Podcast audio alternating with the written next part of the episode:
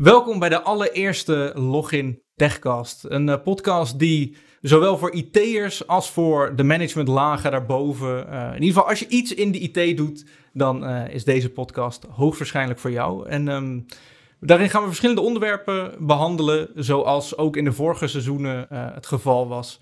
En dit keer hebben we denk ik een heel mooi allereerste onderwerp, een heel bijtijds onderwerp, een onderwerp wat nu leeft.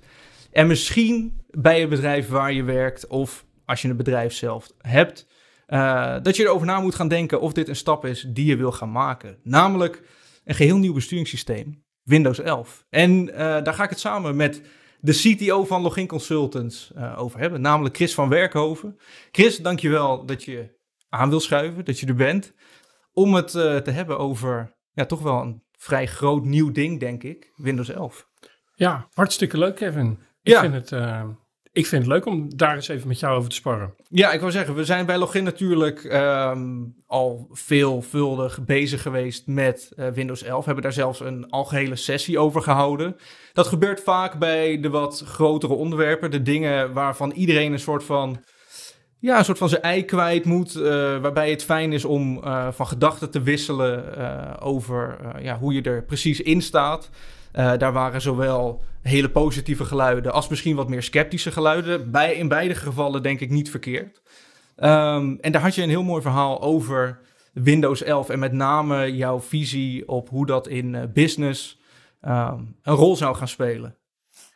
Ja, we hebben natuurlijk uh, daar intern al uh, zeg maar eerder over nagedacht en uh, met elkaar over gediscussieerd. En wat je natuurlijk ziet met Windows 11, ja, ze hadden van tevoren hadden ze eigenlijk min of meer gezegd: Windows 10 wordt de laatste versie. Mm.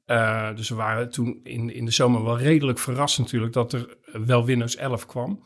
Um, en um, ja, we zijn uh, als bedrijf doen wij heel lang zeg maar, Windows in het datacenter in allerlei verschillende manieren en ook uh, op het gebied van de werkplek. Dus het is altijd relevant voor ons, want onze klanten werken nou eenmaal heel veel met Windows. Uh, dus um, um, ja, Windows 11 was wel weer een nieuwe versie waar we opnieuw naar moesten kijken. want je had natuurlijk wat verder tijd in de terug, had je natuurlijk van Windows 7. Eigen bedrijven gingen eigenlijk van Windows 7 naar Windows 10. Mm-hmm. En ja, er komt ook een moment dat Windows 11 er eh, weer aankomt voor bedrijven. Ja, heb je daar al dingen in gezien in jouw ervaring met Windows 11? Waarvan je zegt van oké, okay, dit gaat echt een impact hebben op de manier waarop Windows gebruikt gaat worden. Kan negatief zijn, kan natuurlijk positief zijn. Uh, iets waarvan je merkt van oké, okay, dit is iets wat aangekondigd is, of wat ik zelf heb ervaren, of waarvan ik nu al weet van oké, okay, dit is iets wat iets gaat doen binnen het IT-landschap. Nou, heel eerlijk, ik vind het niet heel erg spannend. Mm -hmm.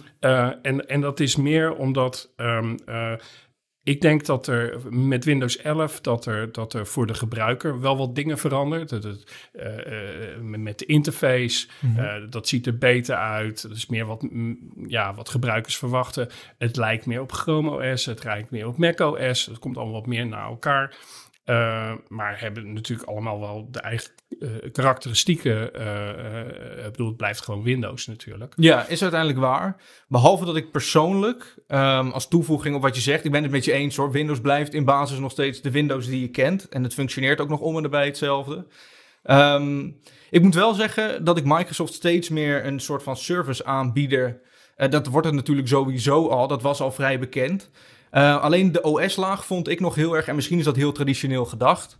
Maar ik vond Windows 10, dat was echt een tool die ze jou gaven om daar zelf iets mee te doen. En ik heb het idee zelf. Um, en ik weet nog niet of dat positief of negatief gaat uitpakken. Maar dat het iets meer servicegericht ook weer is. In plaats van dat ze jou zelf de optie geven. Wil jij Skype installeren, Teams, uh, Discord, wat voor een voice communicatie ding dan ook. Staat nu Teams vooraf geïnstalleerd. Wil jij gaan gamen? kon je eerst kiezen voor Xbox, Steam, wat voor services dan ook. Staat nu standaard Xbox geïnstalleerd. Ze zijn wat meer je een bepaalde kant op aan duwen. Terwijl ik juist denk, daar hebben we het ook al eerder over gehad, buiten deze podcast om, dat het IT-landschap heel erg, in ieder geval voor Microsoft, uh, voordelen kan halen uit het zo open mogelijk houden en juist zo min mogelijk op de uh, gebruiker ja, pushen vind ik iets te, maar in ieder geval een soort van sterk aanraden door iets standaard in je taakbalk te zetten, zeg maar. Ik vond dat vrije juist heel, uh, juist het modernste aan Windows 10 zou ik bijna willen zeggen. Nou, twee dingen uh, op dat. Je zag natuurlijk, als je kijkt wat ze met Windows 95 en Windows 98, 20 jaar terug, mm -hmm. uh, daar zaten ook dingen in als de, Internet Explorer, zat er helemaal in verweven. Er zaten allerlei dingen die eigenlijk meekwamen. Ja. En met allerlei rechtszaken en de Europese Commissie moesten dingen er weer uitgehaald worden. Ik bedoel, dat gebeurde daar, daar wel. En nu zie je dat er een aantal dingen van Microsoft ook gewoon weer er terug in komen. Hè? Zoals je zei, Teams. Het is meer de, de persoonlijke Skype-versie die daar ja. natuurlijk in zit. Um, maar het tweede is eigenlijk van hoe relevant is het operatingsysteem nou nog eigenlijk? Mm -hmm. um, um, want uh, het is het platform waar je applicaties om draait. Uiteindelijk gaat het om de functionaliteit van je applicaties en de bestanden, de data waarmee je werkt. Ja. En is de, het operatingsysteem zelf natuurlijk niet zo heel erg relevant meer. En het klopt wel wat je zegt dat het steeds meer als een service wordt aangeboden. Uh, maar ja, er is nog steeds wel een, een, geldstroom rondom de licenties van Windows 11. Waar eigenlijk andere vendoren als uh, uh, bijvoorbeeld als je kijkt naar Apple of naar Chrome. Mm -hmm. die verdienen geen geld aan hun operatingsysteem. Het is meer een platform waar de applicaties op draaien. ja, ik, ik, moet zeggen, ik denk dat Windows dat ook zeer zeker gaat blijven hoor. behalve dus ja, net wat ik zeg, dat, dat het wat meer een soort van voorgekneten is. In plaats van, kijk, als jij Windows 10 installeerde, dan stond er inderdaad wel een versie van Internet Explorer en op een gegeven moment ook Edge natuurlijk op. Uh, maar buiten dat, ze pushten niet per se iets. En dat, uh, dat, dat is nu denk ik uh, steeds meer aan de hand. Um, een ander ding wat denk ik heel erg interessant is voor als je het zeker gaat hebben over services en het wordt een laag tussen jouw data en je applicaties. Dat is eigenlijk in ieder geval meer dan ooit binnen het bedrijfsleven, zeg maar, uh, wat Windows is. Um, ben ik heel erg benieuwd naar de ervaringen uh, van een gevirtualiseerde versie van Windows 11. En op die manier, in de vorm van bijvoorbeeld een VDI, uh, Windows 11 aanbieden. Um, ik heb daar kort een onderzoek van opgezocht. En ja. ik moet zeggen, um, ze weten natuurlijk altijd mooi te verkopen van... oh, het is sneller en het is zoveel beter en zoveel soort van efficiënter. Uh, in die paar benchmarks die ik heb gezien, uh, kwam dat niet echt terug en was het redelijk gelijk aan Windows 10. Denk je dat daar nog iets in gaat veranderen? Uh, nee, qua performance footprint zal het, zal het hetzelfde uh, mm. uh, zijn als Windows 10. Uh, wel iets geoptimaliseerd en dat soort dingen, dat kan, je, dat kan je wel verwachten. Waar je voorheen met Windows XP en Windows 7 ons expertise nodig had om alles helemaal kapot te tunen. En ja. dan haalden we alles uit de hardware. Mm -hmm. um, dat is nu minder relevant, zeker als je de dingen ook in de cloud draait, waar het toch over, over, ja, wat meer genormaliseerd is. Dus performance verschil tussen Windows 10 en Windows 11, dat, dat, dat is niet zoveel. Waar je natuurlijk wel naar gaat kijken is van, um, wil je VDI echt goed doen, um, uh, zeg maar in de cloud als, of als virtueel platform, mm -hmm. dan zit je toch heel vaak uh, ook vanuit de beheersoogpunt uh, naar stateless VDI te kijken. Dus zeg maar ja. uh, pooled VDI's of de andere woord. Um, en daar heb je nog wel, wel, wel wat uitdagingen. En daar zie je ook andere optimalisaties uh, ook wel plaatsvinden. Hmm. Windows 11 is nog steeds niet echt um, um, ontworpen om zeg maar virtueel te draaien. Je kan het ja. wel, maar het is gemaakt voor een endpoint. Ja, ja. Als je, als je, als je... En uh, sorry als, dat ik je onderbreek, maar dat, dat heeft te maken voor nu nog met met name de visuele uh, veranderingen, als ik je goed begrijp, uh, qua animatietjes, minuutjes, uh, de snelheid waarmee bepaalde dingen opstarten. Dat moest natuurlijk altijd getuned worden. Uh, de instellingen de, die onderliggend zijn, uh, nogmaals, zowel performance gerelateerd als security gerelateerd. Um, is dat iets waarvan je merkt van, oké, okay, dat is nu dusdanig uitgebreid dat maakt het automatisch minder geschikt voor VDI nog op dit moment? Of? Nou, ik denk, ik denk niet dat die dingen juist ervoor zorgen dat het minder geschikt wordt uh, voor VDI. Het zijn meer van hoe beheer je het? Hoe zorg je dat applicaties in een VDI terechtkomen? Ja. Um, uh, dat, dat, blijft nog steeds, dat blijft nog steeds hetzelfde. Mm -hmm. Als je eventjes doorkijkt wat er uh, bijvoorbeeld met Windows 365 gebeurt en met Azure Virtual Desktop dat is zeg maar de Windows in een Azure cloud. Ja. Um, ja, daar krijg je dezelfde uitdagingen als we al twintig jaar hebben met, met uh, server-based computing of, mm. met, uh, of met VDI. Ja. Um, uh, dus daar gaat Windows 11 niet zo heel veel nieuws in, in brengen. Um, um, en als je, dan, als je dan kijkt naar uh, Windows 365, uh, die doet nu ook Windows 11. Ja. Uh, dat was bij de launch was het nog niet, maar dat is nu, maar dat is nu wel. Maar dat is gewoon jouw stateful desktop in een Azure cloud. Ja. En um, um, ja, dat zal precies werken zoals het ook op je laptop werkt. Natuurlijk heb je nog steeds de uitdagingen die je ook met VDI hebt, met, ja. met uh, dingen als Teams optimalisatie en, randapparatuur, en met eventueel. randapparatuur, USB-dongels, nou, ja. noem die dingen um, uh, maar op. Dus dat is, dat is niet zoveel nieuws, maar er zit natuurlijk wel Windows 11 ja, is, is voor de experience bedoeld om op een endpoint te zitten. Ja, exact. en voor specifieke use cases draai je dat in de, ja, de, draai dat in de cloud. Dat merk je inderdaad aan alles, dat ben ik met je eens. Zijn er, uh, want aan het begin gaf je al vrij uh, stellig aan van oké, ik vind eigenlijk de veranderingen ten opzichte van Windows 10 niet bijzonder schokkend. Of in ieder geval hè, niet in zowel negatieve als positieve zin dat me iets heel erg opvalt. Um, zijn er dan misschien wat kleinere dingen waarvan je, waaraan je merkt van oké, okay, Microsoft heeft duidelijk vertrouwen in Windows 11 ook voor business, door bijvoorbeeld iets als uh, Microsoft 365 of Windows 365. Um, uh, hoe kijk je daar tegenaan? Denk je dat dit iets is, dat dit echt een tussenrelease is? Is dat hoe het aanvoelt? Of? Nou, ik denk weer gewoon dat het de next release is. Mm -hmm. um, ik... Het kan natuurlijk ook zo zijn dat het aanvoelt als zijnde ze moeten met iets nieuws komen. En ze zijn inderdaad wat meer die soort van. Ja, ze hebben wat meer de visuele veranderingen. Laat ik het zo zeggen, toen ik Windows 11 voor het eerst zag, had ik hetzelfde uh, als wat je net benoemde. Uh, ik had heel erg een soort van Mac-idee erbij. Een soort van, net ja. wat je zegt, een Mac Chromebook-achtig idee. Een soort van, de marketing voor Windows was nooit heel erg sexy of zo, voor de eindgebruiker. Uh, en dat was nu anders ineens. En daardoor had ik direct zoiets van: oké, okay, dat is leuk voor mij voor op mijn thuiscomputer. Maar voor business, wat gaat ja. dat doen? Zeg maar, hoe. Uh, ik kan me voorstellen uh, dat de vraag veelvuldig inmiddels al gesteld is. bij de klant waar ik bijvoorbeeld zit, is ook al. Dat is een ziekenhuis, daar is ook al gevraagd van: joh, is dit iets waar wij echt met haast naar moeten gaan kijken? Ja. Um, wat zou jij daarop antwoorden als zij die vraag aan jou gesteld zouden hebben? Nou, wat je sowieso ziet, is dat als je, uh, en dat is ook met de gesprekken die ik met klanten heb gehad, als je kijkt van um, um, uh, de apparaten die ze zeg maar, in omloop hebben, mm -hmm. ze zijn niet allemaal zo geschikt uh, voor Windows 11. En dat heeft met die TPM-chip te maken en, ja. en die ding. Dat is nog niet allemaal, je kan niet zomaar zeggen van nou, we gaan allemaal naar Windows 11, want dan moet je afscheid nemen van een stuk van je hardware. Nou, dat wil je ja. gewoon niet. Uh, ik denk dat er wel voor de beheerders van Windows wel heel veel voordelen aan zit. Mm -hmm. Kijk, als je, als je in de Windows um, XP, Windows 7, zeg maar in die cycles, dan ging een OS net zo lang mee als de, als de lifetime van je laptop. Ja.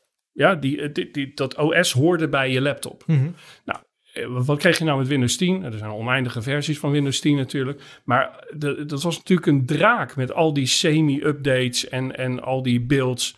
Uh, daar zat je helemaal niet op te wachten. Uh, uh, ieder half jaar, ieder jaar, dat je, dat je weer mee moest. Dat was ja. voor IT een enorme uitdaging. Nou, daar, van die weeffoutjes zijn ze nu met Windows 11 ja, daar hebben ze wel de lering uitgetrokken. Dus voor IT denk ik dat de beheerlast en het moeten updaten steeds, dat dat wel een stuk beter gaat als je overgaat naar Windows 11. Maar het is niet de reden om nu al gelijk naar Windows 11 te gaan. Nee, uh, dus ik hoorde je net iets zeggen over bijvoorbeeld een TPM-chip. Dat is dan een hardwarematige vorm van een extra security laag, of in ieder geval een verbeterde vorm van security.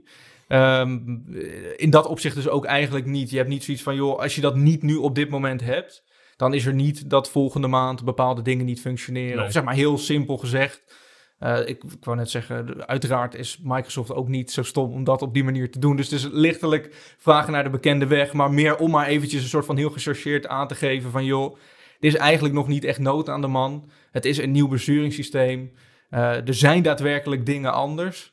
Maar voor business zou jij op dit moment, dus als ik je goed begrijp, als ik terugkom op de vraag die ik eerder stelde, zou jij een klant, wie dan ook, of het nou een ziekenhuis is, of een bank, of een gemeente, of wie dan ook, zou je op dit moment zeggen, joh, hou het in de gaten. Maar je hoeft niet morgen een soort van ISO te gaan downloaden en aan je IT-beheerder te vragen of aan ons. Nee. Van joh, eh, kom dat even installeren, want eh, we moeten nu eh, over. Nee, er is geen noodzaak. Ik bedoel, bij Windows 7 en, en, en Windows 10 was het de migratie naar Win- Windows 10 op zich niet zo belangrijk. Het was belangrijker dat je van Windows 7 afging. Ja, Dat was de driver om naar Windows 10 te gaan. Eh, wat je hier ziet is Windows 10 is gewoon nog tot 2025 is supported. Dus alles wat je nu nog koopt is nog vier jaar met Windows 10 prima te doen. klinkt als een lange tijd. Behalve als je heel veel legacy apps hebt. Bijvoorbeeld in een ziekenhuis, eh, randapparatuur, dat soort dingen.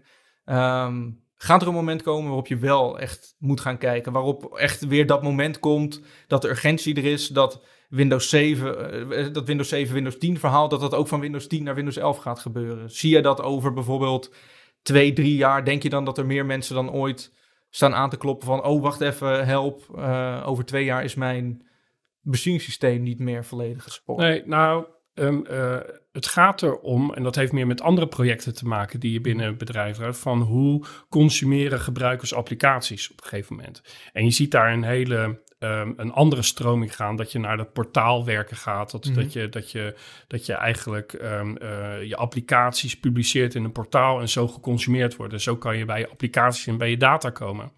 Ehm, en dat zie je eigenlijk ook al van Windows 10 naar Windows 11, dat ze eigenlijk na 25 jaar afscheid hebben genomen van het startmenu. Mhm. Eh, he- heeft er 25 jaar gezeten, hè? Ja, ja. Eh, met, eh, ja, met, met de introductie van Windows 95. Ehm, ehm, Maar afscheid in de zin van eh, op de plek waar die altijd, zeg maar, je ging altijd in eerste instantie, daar begon jouw werk, zeg maar, links onderin de taakbalk. ja, ja, m- Ja. maar je drukt er ook start om te stoppen. Ja, exact. Ja, precies. Ja, eh, daar eh, begon en daar eindigde het mee. Ja, Ja. En, en dat, is, dat is wel natuurlijk een ander. eh, Het doet zich ook al voor als een soort springboard naar je applicaties. Mhm. En dat zijn ook de, portaal, de portaaloplossingen die je natuurlijk ook wel van andere vendoren zien. Die ook op Windows 10. En, maar die ook dezelfde interface geven op een Mac of op een Chrome OS Ja. eh, natuurlijk. Dus je, je ziet meer dat het, eh, zeg maar, het uniform toegang geven tot applicaties. Mhm. ehm, zeg maar, de driver zal worden hoe, hoe, hoe je, hoe je eigenlijk binnen bedrijven de applicaties gaat consumeren.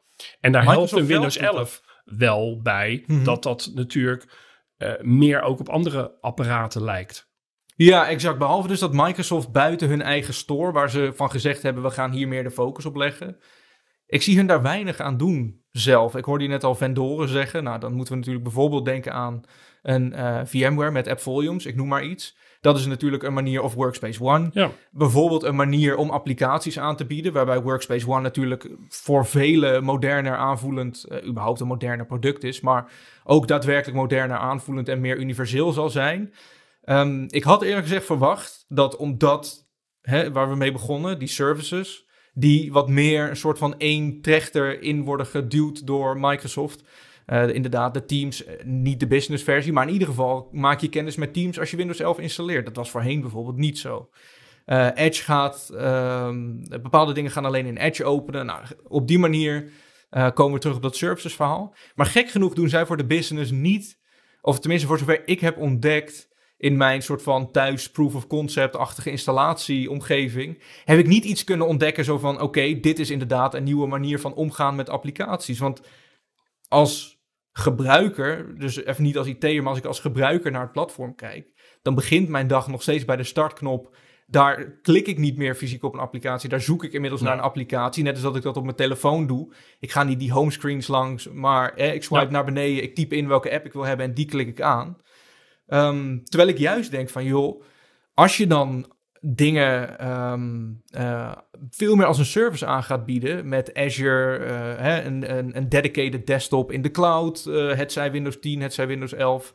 Waarom zit daar dan niet een soort van makkelijke, hey, deze app kun je binnen hier installeren. Bij App Volumes is dat bijvoorbeeld een App Volumes machine waar je hè, de, de applicatie kunt maken die gepusht kan worden naar machines. Bij eh, Workspace ONE kun je een applicatie koppelen aan een eh, x aantal gebruikers die dat in hun portal te zien krijgen. Zij doen daar zelf, voor zover ik weet, en dat kan ook mijn eh, ehm, ja, ervaring zijn, maar zie ik niet een soort van logische volgende stap voor Microsoft daarin. Ik zie nog steeds een installatiebalkje van Office. Ik zie nog steeds een installatiebalkje Ja. van al die standaard applicaties. Ja, nou, um, het is grappig dat je zegt, want je hebt natuurlijk die store. Mhm. Ehm, eh, maar geloof jij echt dat, er, dat dat een business value heeft? Die Ik Microsoft denk- Store? Of is het echt iets voor consumers? Ik denk dat je als ehm, consument, en dan heb ik het ook nog eens over. Ik denk, laat ik het zo zeggen, dat zoiets heeft tijd nodig. Als ik een applicatie wil installeren om, eh, weet ik veel, mijn films te kunnen kijken op een, Ja. eh, op een PC, dan ga ik niet naar de Windows Store. Dat is niet het proces wat ik zeg maar bewandel. Daar start het niet mee. Het start naar webbrowser, VLC intypen en VLC van de officiële website afhalen.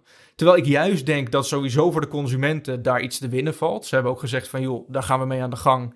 De Windows Store wordt overzichtelijker, mooier, bruikbaarder. Er gaan meer dingen in staan. Ehm, waardoor je misschien op een gegeven moment zoiets hebt van... hey, ik heb deze applicatie nodig. Die downloadde ik voorheen op de officiële website. Die ga ik nu uit de store eh, proberen te halen. Want ik moet wel zeggen, ik vind het heel fijn dat als ik mijn computer opstart... dat ik weet dat alles geüpdate is. Ja. Eh, en dat is met die store zo. Die, zonder dat jij per se die store opent. Eh, als jij een automatische update schedule aan hebt staan...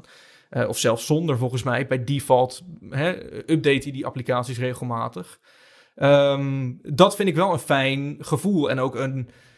Misschien is het niet helemaal eerlijk om veiligheid volledig daarop te gooien, maar ook een veilig gevoel in het geval van sommige applicaties. Nou, ik denk dat die, dat die store best wel een, een, een functie heeft. En je hebt natuurlijk dat je, dat je eh, met Windows en wat je eigenlijk had verwacht is van. Dus er is natuurlijk een hele groep gebruikers die prima hun eigen Windows-machine kan beheren. Ja. Eh, als je kijkt naar nieuwe generaties, die zijn gewend, die kunnen dat prima. Die Die zijn, vinden het in de eer- eerder irritant als er een IT-afdeling tussen zit dan dat Ja. ze het bruikbaar vinden. dus, die kunnen Ja. de- dus die kunnen dat prima. Terwijl er nog een hele groep, eh, zeg maar, van de wat, wat, nou ja, wat de oude generatie, waar gewoon al, altijd voor gedacht wordt. En dat, Mhm. dat, die werken met een dichtgetimmerde PC. ja. Eh, en je zou eigenlijk die twee werelden wat meer naar elkaar verwachten. En. Windows 11. Dus ik denk dat, eh, zeg maar, voor toekomstige versies van Windows, dat, dat eigenlijk het gebruik van eh, het, eh, hoe de ene generatie het wil gebruiken en hoe de andere generatie wil Mhm. gebruiken, nou, dat zou heel, heel mooi zijn als dat in de toekomst eruit komt. ja. Maar dat is er nu nog niet. Nee, ik wou zeggen, daar, daar valt sowieso nog iets, eh, iets voor te winnen. Om het stukje store en misschien zelfs het, het Windows 11 verhaal af te sluiten. Ehm, stel je voor dat ze daar op een gegeven moment op in gaan zetten. Hoe denk je dan dat dat eruit moet gaan zien? Want ik ben het met je eens. Het is fijn als eh, de nadelen en de voordelen van beide werelden een soort van samen één kracht kunnen worden. Ik denk eerlijk gezegd, maar dan moeten zowel de applicatiemakers als Microsoft daar eh, eh, ja, wel echt daadwerkelijk werk van gaan maken. Ehm, denk je dat het in de vorm van een keuze zal zijn? Dus stel je voor, jij bent een gebruiker en jij werkt op een bepaalde afdeling binnen een bedrijf. Dat jij een soort van eh, overzicht krijgt van, joh, dit zijn de applicaties die je tot je beschikking hebt. Welke gebruik je? En zodra je hem aanklikt, dan wordt die aan jouw profiel toegewezen en zal die altijd beschikbaar zijn als je inlogt? Of ehm, eh, hoe zou je willen dat dat gaat werken, zeg maar, dat die twee werelden samenkomen? Nou, ik denk dat het, dat het ehm, eh, eh, als Windows echt zijn, zijn kracht gaat krijgen om dat op het endpoint te gaan gebruiken. dus even los wat er in de cloud wordt hè, gedaan met eh, Windows 365 en met AVD, is dat je gewoon voor persoonlijk gebruik en zakelijk gebruik, dat je dat veel meer als een glijdende schaal door elkaar kan gebruiken. Maar ook dat je zegt van dit gedeelte kan ik prima zelf beheren.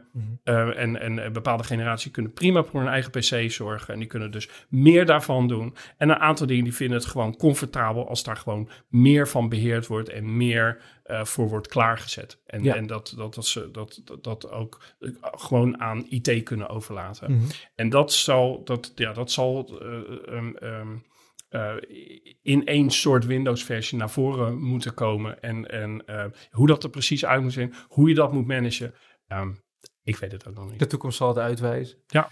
Hoe, ehm, als we kijken naar Login Consultants als partij die ehm, kundig is in dit soort dingen, in niet alleen het, het, het, installeren, het, het managen, maar ook het soort van vooraf uitpluizen. Nou ja, goed, ik hoorde je net al zeggen van, joh, ik zou dit wel doen, dit niet, of dit heeft misschien wat minder haast dan dit. Eh, er wordt duidelijk over nagedacht. Stel je voor dat die tijd op een gegeven moment wel komt over een paar jaar. Ehm, dat mensen, hè, dat het meer op de radar komt te staan dan nu. Wat zou login consultants kunnen betekenen binnen het hele Windows 11 verhaal valt er iets te halen uh, voor login consultants en daarmee dus ook automatisch voor uh, de klanten.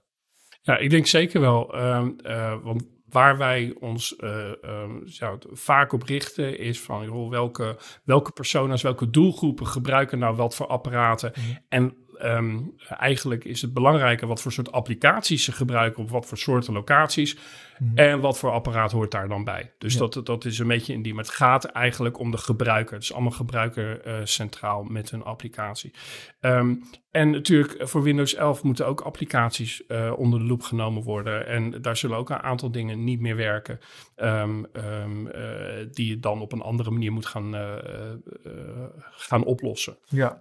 Maar ook over een tijd zijn er ook weer nieuwe soorten apparaten waar je ook weer naar moet kijken. dus ik denk dat er, dat er zeg maar op het wat wij daarin als waarde toevoegen is dat we naar de gebruiker kijken, mm. dat we naar het applicatielandschap kijken en dat allemaal met je bij elkaar brengen voor de toekomst. Super. Nou, lijkt me een mooie conclusie om um, de podcast ook uh, mee af te sluiten. Je hoort het, Windows 11, een mooie upgrade, maar misschien op het moment van opnemen nog niet uh, essentieel. Maar mocht die tijd er komen, dan ja, is Login Consultants daar om het een en ander mogelijk te regelen. Dank jullie wel voor het kijken, dank jullie wel voor het luisteren en tot de volgende podcast.